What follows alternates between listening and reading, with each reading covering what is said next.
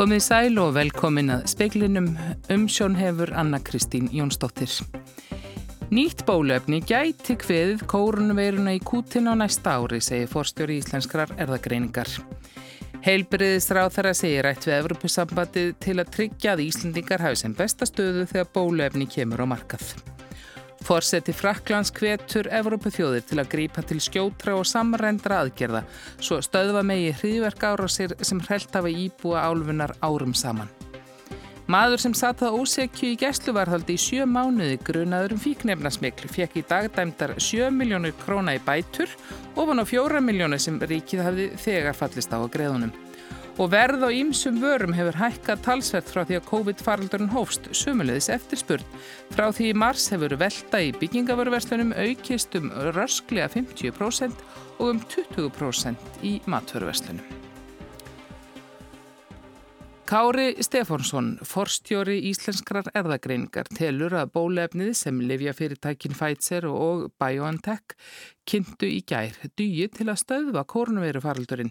Niðurstöður rannsóknar gefið tilipin til mikillar bjartsinni og jafnvel megi gerðað fyrir því að bólefnið fari í dreifingu í bandaríkjunum strax í næsta mánuði.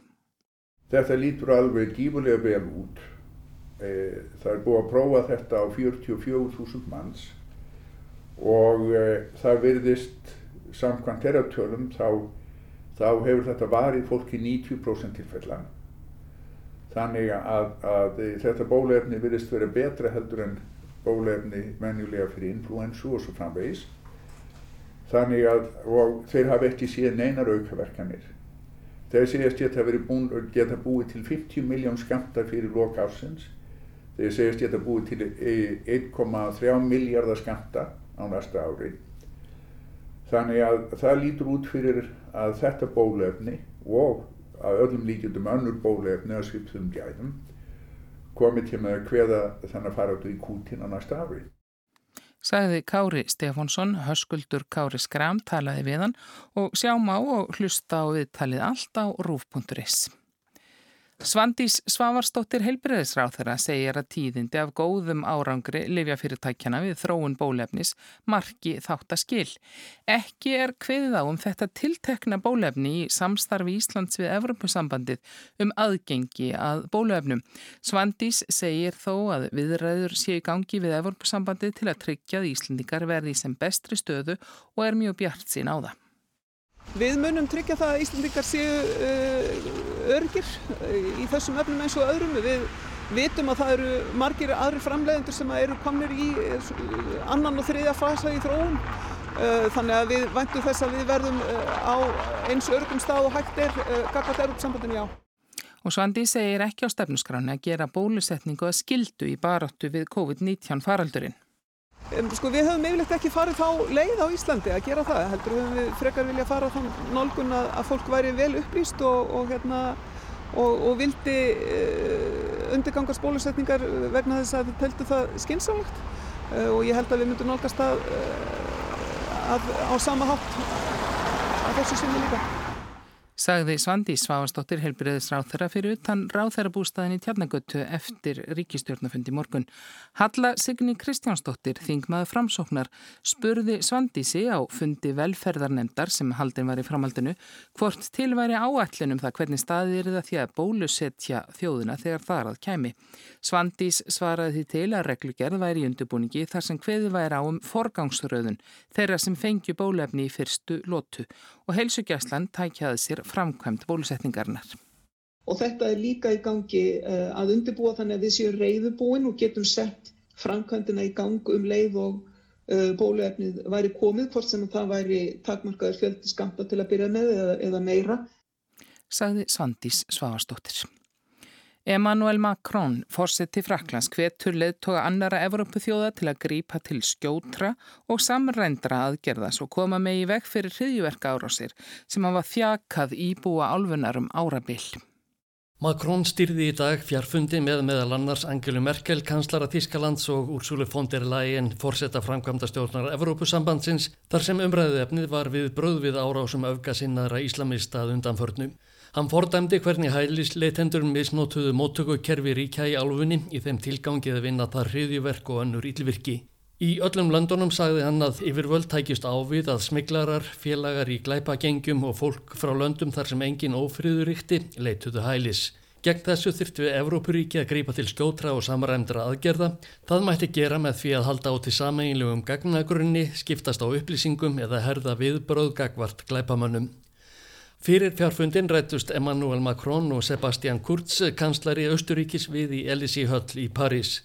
Östuríkismenn fengu einmitt að kynna áhriðuverkamanni fyrir viku en hann skoðt fjóra til bana í Vínarborg og særði á annan tug til viðbótar. Ásker Tómasson saði frá. Miljarða útgjöld sem Íslensk stjórnvöld standa frammi fyrir vegna kjótóbókunarnar eru afleðing þess að lofslagsmálinn voru ekki tekinn alvarlega í tíð fyrir ríkistjórna, segir Guðmundur Ingi Guðbrandsson umhverfisráð þeirra. Ísland hefur ekki staðið við skuldbindingar sína sangkvæmt kjótó og stjórnvöld þurfa að kaupa losunar heimildir til að mæta því.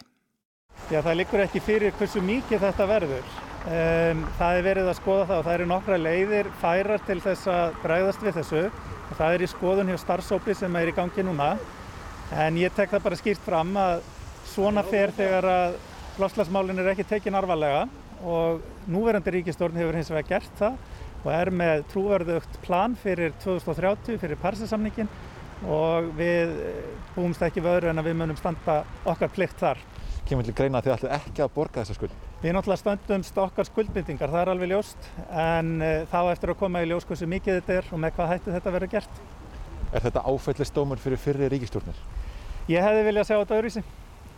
Það er alveg klart mál. En aðalmálið er að núna höfum við tekist á við lofslagsmálinn og við erum að horfa á trúverðuðar áallanir til þess að standast okkar skuldbindingar árið 2030. Saði Guðmundur Ingi Guðbrandsson, Yngvar Þór Björnsson rendi við hann. Héraðstómur Reykjavíkur hefur dæmt Íslenska ríkið til að greiða pólskum manni 7 miljónir króna í miskabætur fyrir gærsluvarðald sem hann sætti í 7 mánuði frá því síðsumars árið 2017 og fram á vor 2018. Madurinn var handtekinn í ágúst lok 2017 á samt þremur samlöndum sínum sem voru gripnir við að fjarlæga tæpan 1,5 lítra af amfetamínbassa úr bíl í bílskúri skipholti í Reykjavík. Sá sem höfðaði bótamálið var grunaður um að hafa verið tengiliður hinna hér á landi og var ákærður með þeim. Hann var hins vegar síknaður en hinnir þrýr dæmdir í fangelsi í þrjú til þrjú og hálft ár. Madurinn satt í gæslu var þaldi í sjö mánuðu vegna málsins, þar af í einn mánuði í einangrun. Hann fór fram á rúma 41 miljón í bætur fyrir andlegan skada og tekjutapp. Ríkislögmaður hafnaði alla tíð allir í bótaskildu en eftir að málið kom fyrir dóm gerði ríkið engoða síður samkomulega við mannin um greiðslu á 3,9 miljónum auk vaksta og hluta af málskostnaði. Madurinn hjælt dómsmálunu til streitu og hafði í dag 7 miljónir til viðbútar upp úr krafsinu. Ríkislögmaður hjælt í fram að madurinn hefði sjálfur stöðulað að þessari lungu varðhaldsvist með því að veita lögreglu loðins svör en dómari fjælst ekki á það. Skadabótakröfu vegna tekjutaps er þó hafnað vegna þess að dómari segir hann ekki stutta neinum gögnum um tekjur fyrir og eftir varðhaldið. Stígur Helgason saði frá. Bætur til bænda sem þurfa að skera fyrir vegna riðu eru sagðar úreldar verður að skoða hvernig megi koma til mótsviða. Þegar fjö er skorið niður vegna riðu fá bændur greitar niðurskurðar bætur.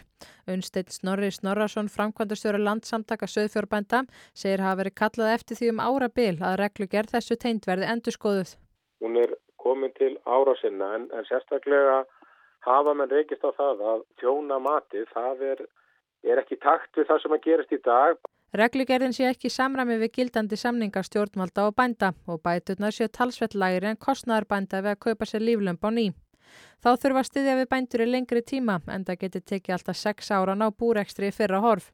Landssamtökin og atvinnuvega og nýsköpunarraðunni til skoða nú hvort að ég endur með reglugerðina fullur skilningur á því að þetta þurfa að skoðast en það er ekki komin í nýðustæðum. Þessi bæir sem er skorið niður á núna, lenda þeir þá í þessum gömlu reglum sem eru taldar úreltar? Það er það sem við erum að benda á og eigum eftir að fá úr skorið um hvernig verður uh, farið með það. Sagði Unnstein Snorri Snorrason, Úla Árdal rætti við hann. Ríkistjórnin samþykti morgun að hefja viðræður við Reykjavíkuborg um gerð nýs þjóðar leikfangs. Lilja Alfreðsdóttir, mentamálráð þeirra, segist í fréttatilkynningu vera bjart sín á að nýr leikvangur rýsa næstu fimm árum og komi þá í stað lögadalsvallar. Viðræðina byggjast á greiningu Bresks ráðgjafi fyrirtækis AFL niðurstaða þess er að ekki sé hagkvæmt til langframa að ráðast í úrbættur á lögadalsvelli, ráðulegra að reysa nýjan völl og 15.000 manna leikvangur án þaks talin hagkvæmasti kosturinn. Töluverðar verðhækkanir hafa orðið á ýmsum vörum í koronaviru faraldrinum. Síðastleiði ár hefur verð á innfluttu og innlendu grænmeti hækkað um 12,5%, innflutt mat og drikjarvara hefur hækkað um tæp 11%. Bensín hefur hins vegar lækkað um 7%. Frá því faraldurum braust út hefur eftirspurn eftir raf og heimilistækjum aukist um rösklega 50%. Þetta er meðal þess sem kom fram í samantækt sem verðlags eftirlit Alþjóðsambands Íslands vann fyrir speilin. Þegar litir á þróunu vöruvers frá því oktober í fyrra kemur greinlega ljós að verð tekur í mjög mörgum tilfellum með kip upp á við í mars eða þegar koronaviru faraldurinn að hósta af alvörum. Verð á mat og drikjarvöru hækkar um með 7,4% á síðastlinu ári. Megin hækkunin er frá mars og fram í oktober eðum 6 af 100. Húsgögn og heimilisbúnaður hefur hækkað um tæp 8% frá því í mars. Undir þessu liðir til dæmis ráftæki sem hafa hækkað um 13,6%. Bílar hafa hækkað um 8,7% frá því mars og reyðhjól um tæp 11%. Og það kemur ekki óvart að verða á innfluttum vörum hefur hækkað meira en á innlendum vörum. Það reyndar ekki við um bensín sem hefur lækkað um tæp 7% frá því oktober í fyrran. Innfluttum mat og drikjarvara hefur hækkað um 11% en eh, svo innlenda um rúm 5%. Aðrar einfluttarvörur hafa hækkað um 6,9% en það er innlendum 4,3%. Frá því oktober í fyrra hefur gengið krónunar lækkað um 16 af 100, krónan hefur til dæmis veikst um 19% gagvart efru um 14% gagvart breska pundunu og um 11,6% gagvart dólar. Gengisveikingin fór á fulla ferði mars. Krónan styrtist örliti í sumar en hefur síðan veikst aftur. En það er ekki bara hægt að skella skuldin á gengi þegar kemur að því að útskýra verðhækanir. Auður Alva Ólafstóttur, verkefnastjóri verðlags eftirlits ASI, segir að margir þættir hafi áhrif á verðlag.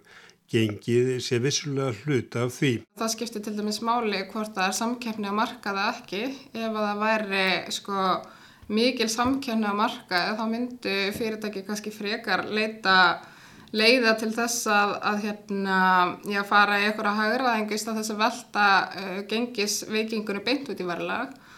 Uh, og þá eru þetta bara aðri kostnað að þetta er, ég menna það er hérna rávara og bensín og, og hérna einmis fastu kostnar uh, sem kemur þar inn í líka. Verðbolgu vendingar og erlend verðþróun og innflutningsvernd og svo framvegð þannig að þetta eru þetta mjög margir þættir sem hafa áhrif á þróun verðlags. Eftirspurn hefur aukist talsverti í faraldrinum eftir ímsum vörum með velta í stórmörkuðum og dagveruverslunum hefur aukist um 21% á einu ári. Spurn eftir raf og heimilisvörum hefur aukist gríðalega eða með 53%.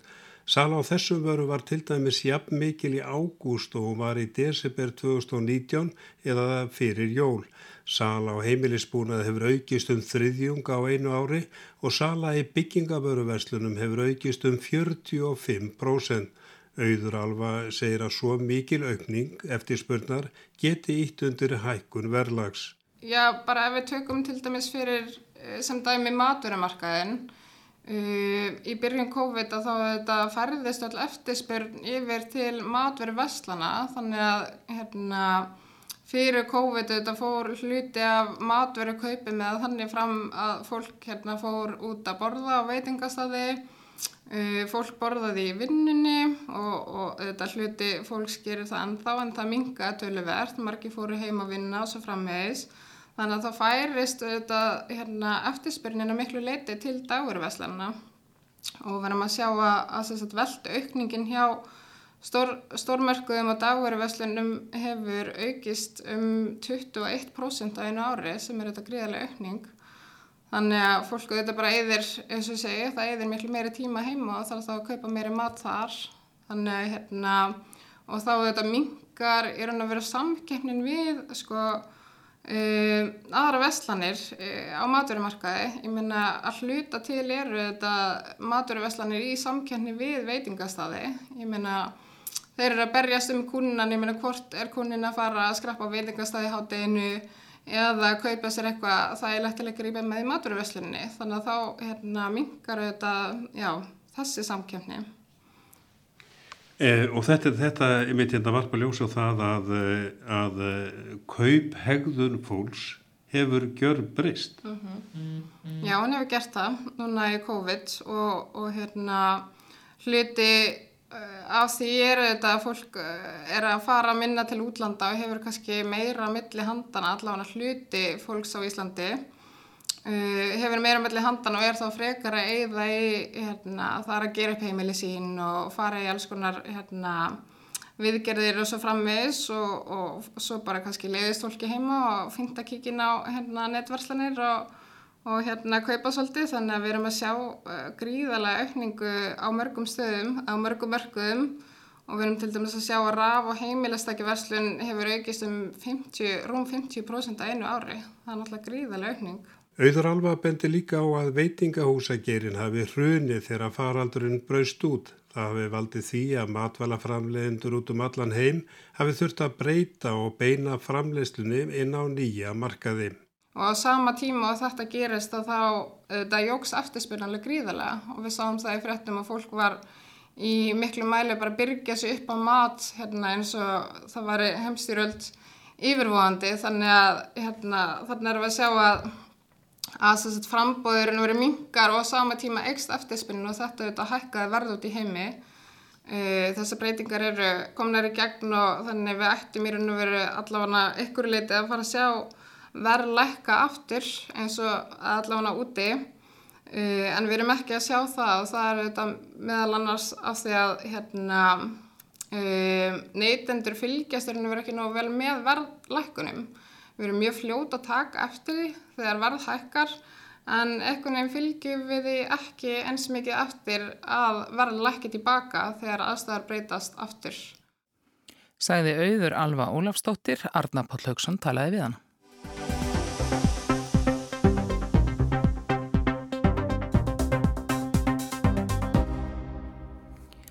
Á næsta ári verður haldin í Glasgow 27. lofslagsraðstefna saminuð þjóðana undir formensku breyta og saminu Ítali. Í ár eiga aðeldaríki Parísar samningsins að uppfæra lofur sín í lofslagsmálum og standa skil á árangri og langtíma stefnu um kólefnis hlutleysi. En í dag var haldin málfundur á vegum Breska sendiráðsins og lofslagsráðs undir yfirskriftinni Lofslagsvænar framfarir í kjölfar COVID-19. Haldur Þorgersson er formaður lofslagsráðs. Kondur sæl Haldur. Sælvertu. Menn töluðu svolítið um þá þessum fundi í dag að það þurfti svona að gæta því þegar að menn fara að keira í gang ef svo mætti segja eftir þann samdrátt sem hefur orðið í hagkjörnum þá maður ekki gleyma hinnum grænu sjónarmiðum. Jú, það er alveg ljóst að það er mjög mikil mikla fjárfestinga framöndan og, og endurist eftir COVID er náttúrulega mjög brínd. Uh, en það er mjög mikilvægt hvernig það er gert og, og uh, slíkar fjárfestingar geta fært okkur mun nær lofslagsmarkniðum en það geta líka fært okkur fjær slíkum markniðum og þess vegna er hort uh, mjög mikið á það að þessi endurreist sér umvel að farsæl, hún sé grænt og hjálpi okkur að komast áfram í þessu djúbstæðu umskiptum sem við stöndum fram með fyrir gagvert lofslags vandanum og þar eru við í kapplöpu við tíman uh, og fjárfestingar sem er áðist í núna það er læs okkur inn í ákveðnum valkostum til framtíðar. Mm. Það er kannski samt líka þannig núna að nú er ábyrð, já, pólitíkurna tölvöld mikil því að við stöndum framifyrir og fylgjumst með því um allan heim að hýður eh, ofinberi er að ráðast í mjög miklar fjárfestingar. Það er alveg rétt og, og það sem er nú kannski mikilvægast gagvart ofnbjörnum fjárfestingum er fjárfestingum í innviðum. Og uh, slíkar innviða fjárfestingar þurfa náttúrulega að opna fyrir sko hreina orku og þetta er náttúrulega hlutur sem við þekkjum hér. En þetta er, ef maður horfir á mannkinnið í held, þá er ennþá mikil uppbygging í orkukerfum. Og það er feikilega mikilvægt að, að það fari inn í endurnýjarlega orkugjafa og það er að ljósta að, að þeir skila líka mjög miklum uh, möguleikum í að skapa atvinnu. Uh, líka til dæmis að endur nýja húsakost uh, til þess að draga úr orkuþörf. Það er mjög atvinnuskapandi. Þannig að það eru mjög mörg svona dæmi um það að þetta fari alfari saman. En það þarf líka samt fórustu og, og þar skiptir mjög miklu máli að stjórnvöld líka opni möguleika eins og til dæmis fyrir almenningssamgangur Þess vegna er mjög mikilvægt að, að, að fjárfestingar sem að núna er áðist í um, geri fólki mögulegt að, að nýta sér til dæmis uh, almenningssamgöngur. Þannig að stjórnvöld hafa íkjala mik mikilvægt hlutverkja gegna hér og þurfa að horfa til lengri tíma. Þau þurfa að horfa til lengri tíma en, en kannski akkurat núna er andrúslofti meira þannig að menn er að bregðast við frá degi til dags. Jú, en uh, það er, uh, það þarf það er ekki mjög að, og, og þetta er, er alveg ljóst að það eru svo margir spennandi fjárfestingakosti sem að fara alveg saman við uh, eh, lofstafsmarknið. Þannig að það er mikilvægt að, að við stillum þessi upp eins og, eins og það sé verið að setja bremsu á uppbyggingu. Það er, er ekki það sem þetta snýst um uh, og uh, þetta snýst fyrst á stund það að, að slíkar fjárfestingar ofni nýja möguleika og það þarf að ráðast í þetta hratt uh, og það sama gildir um loftslags uh, eh, viðfansetning. En menn er náttúrulega líka núna svolítið endur með stöðu sína miða við Parísar samkomlægið og, og þar má kannski segja svo sem að hafi gerst svolítið tíðindi líka á alþjóða vettvangi? Já, sko París byggist náttúrulega eða grunnurinn á svona hugsunni í París er þetta stöðu og endurnatt og uh, þetta er samningur sem er kerður áfram að því markmiðið að koma í vekk fyrir meira á þetta röskun og uh, ríkin koma með sín framlög á fimm ára fresti. Og við stöndum núna fram fyrir því að endur nýja þau framlög sem hafa voru lögð fram uh, fyrir París. Og það er náttúrulega enginn, það er að við ljóst að að eh, það er mörg ríki að, að, að tilbúin að eh, stefna að kólumni slutleysi, stefna því að dæmis nú hefur Kína komið með mjög mikilvægir yfirlýsingar um það hvena þeir munu ná hámarslósun og hvena þeir munu verða kólumni slutleysi, sami gildir um, um Japan og Suðu Kórið og svo eh, stefnir í grundallabreiting og afstöðu bandaríkjana til alltjóða samstafs uh, í loftarsmálum og til fjárfestinga heimafyrst. En hvernig er, hefur okkur miða samt? Ég menn töluðu alltaf um, menn töluðu um, já, er ekki, ekki einu, ein, ein, persinsamkóliða snemt verið að því að það hlýnaði ekki meirinn um einu og halva gráðu eða tvær og hvernig hefur, þið, hefur það gengið? Við erum langt frá mm. uh, því að, að vera á þeim staði sem við þurfum að vera og uh, ef, ef við höldum áfram á þeirri brauð sem við erum með núna þá erum við að kalla yfir okkur tryggja hlínun sem er stór hættulega, það verður bara að segja eins og er. En uh, það, það við höfum ennþá þennan, þennan tækifæri á þessum eh, áratug sem núna er hefjast að, að snúa þessu við og uh, þegar að svona breytingar fara á í gang þá gerast það oft mun hraðar heldur en nokkur hefði óra fyrir. Þannig að það er mjög mikilvægt að, að, að átt að segja á því hvað er það sem við viljum, hvers konar framtíð viljum við og vinna markvist að því að svo framtíð verðað veruleika. Þakkaði fyrir þetta Haldur Þorgersson.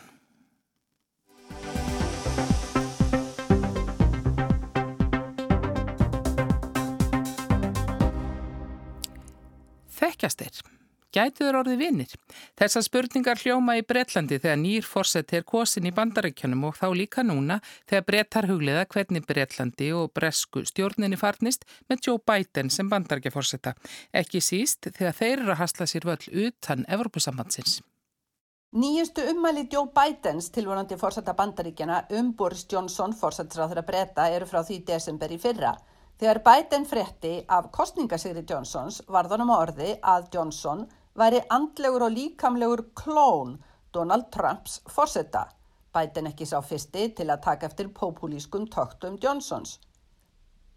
Biden taldi Brexit, útgöngu breyta úr Evrópusambandinu, óvitturlega. Hann hefur kallað forgöngumenn Brexit baráttunar, líðskrumara og lottara, þó hann nefndi ekki Johnson á nafn. Biden og hans teimi kuð heldur ekki hafa glemt rasískum ummælum Johnsons 2016 um Barack Obama bandaríkjaforsetta. Biden satt fyrir svörum 2018 í bresku hugveitunni Chatham House. Út frá hans eigin sjónarmiði, saði Biden, þá hefði hann greitt atkvæði gegn Brexit, hefði hann verið breskur þingmaður. So I'll speak selfishly. I can't, were, had I been a member of parliament, had I been a, a British citizen, I would have voted against leaving. Bætti svo við að það væri yfirlæti að segja öðru landi fyrir verkum ekki meint þannig. En Brexit væri missir fyrir bandaríkin, breytar þá ekki lengur liðtækir boðberar bandaríkjastjórnar í ESB og já, ánþess hann vildi móðga aðrar þjóðir, þá er sérstatt samband millir landana saði Biden.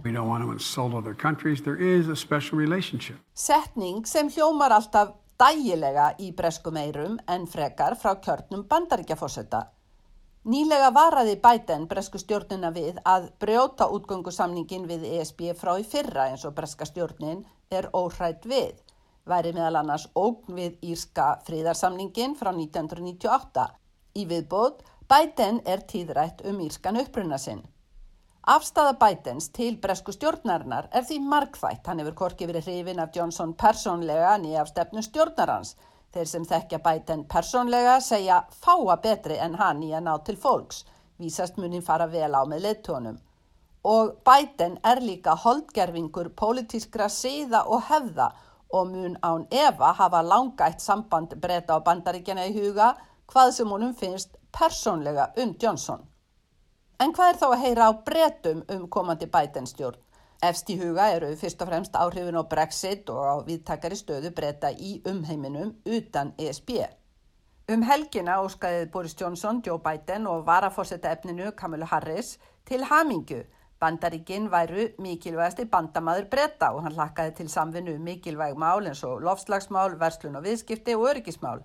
En hann var líka spurður hvað hann segði um Brexit anduð Bidens og að Biden hefði kallað hann Trump-klón. Well, I, I think the, there is far more that unites the uh, government of this country and uh, government in, in Washington any, any time, that, any stage than, than divides us. Johnson leiti þessi atrið hjá sér en undistrykkaði sameileg gildi landana eins og tjáningafrelsi og fleira sem var í sótt að í heiminum og sem þjóðirnar gætu staðið vörðum í saminningu.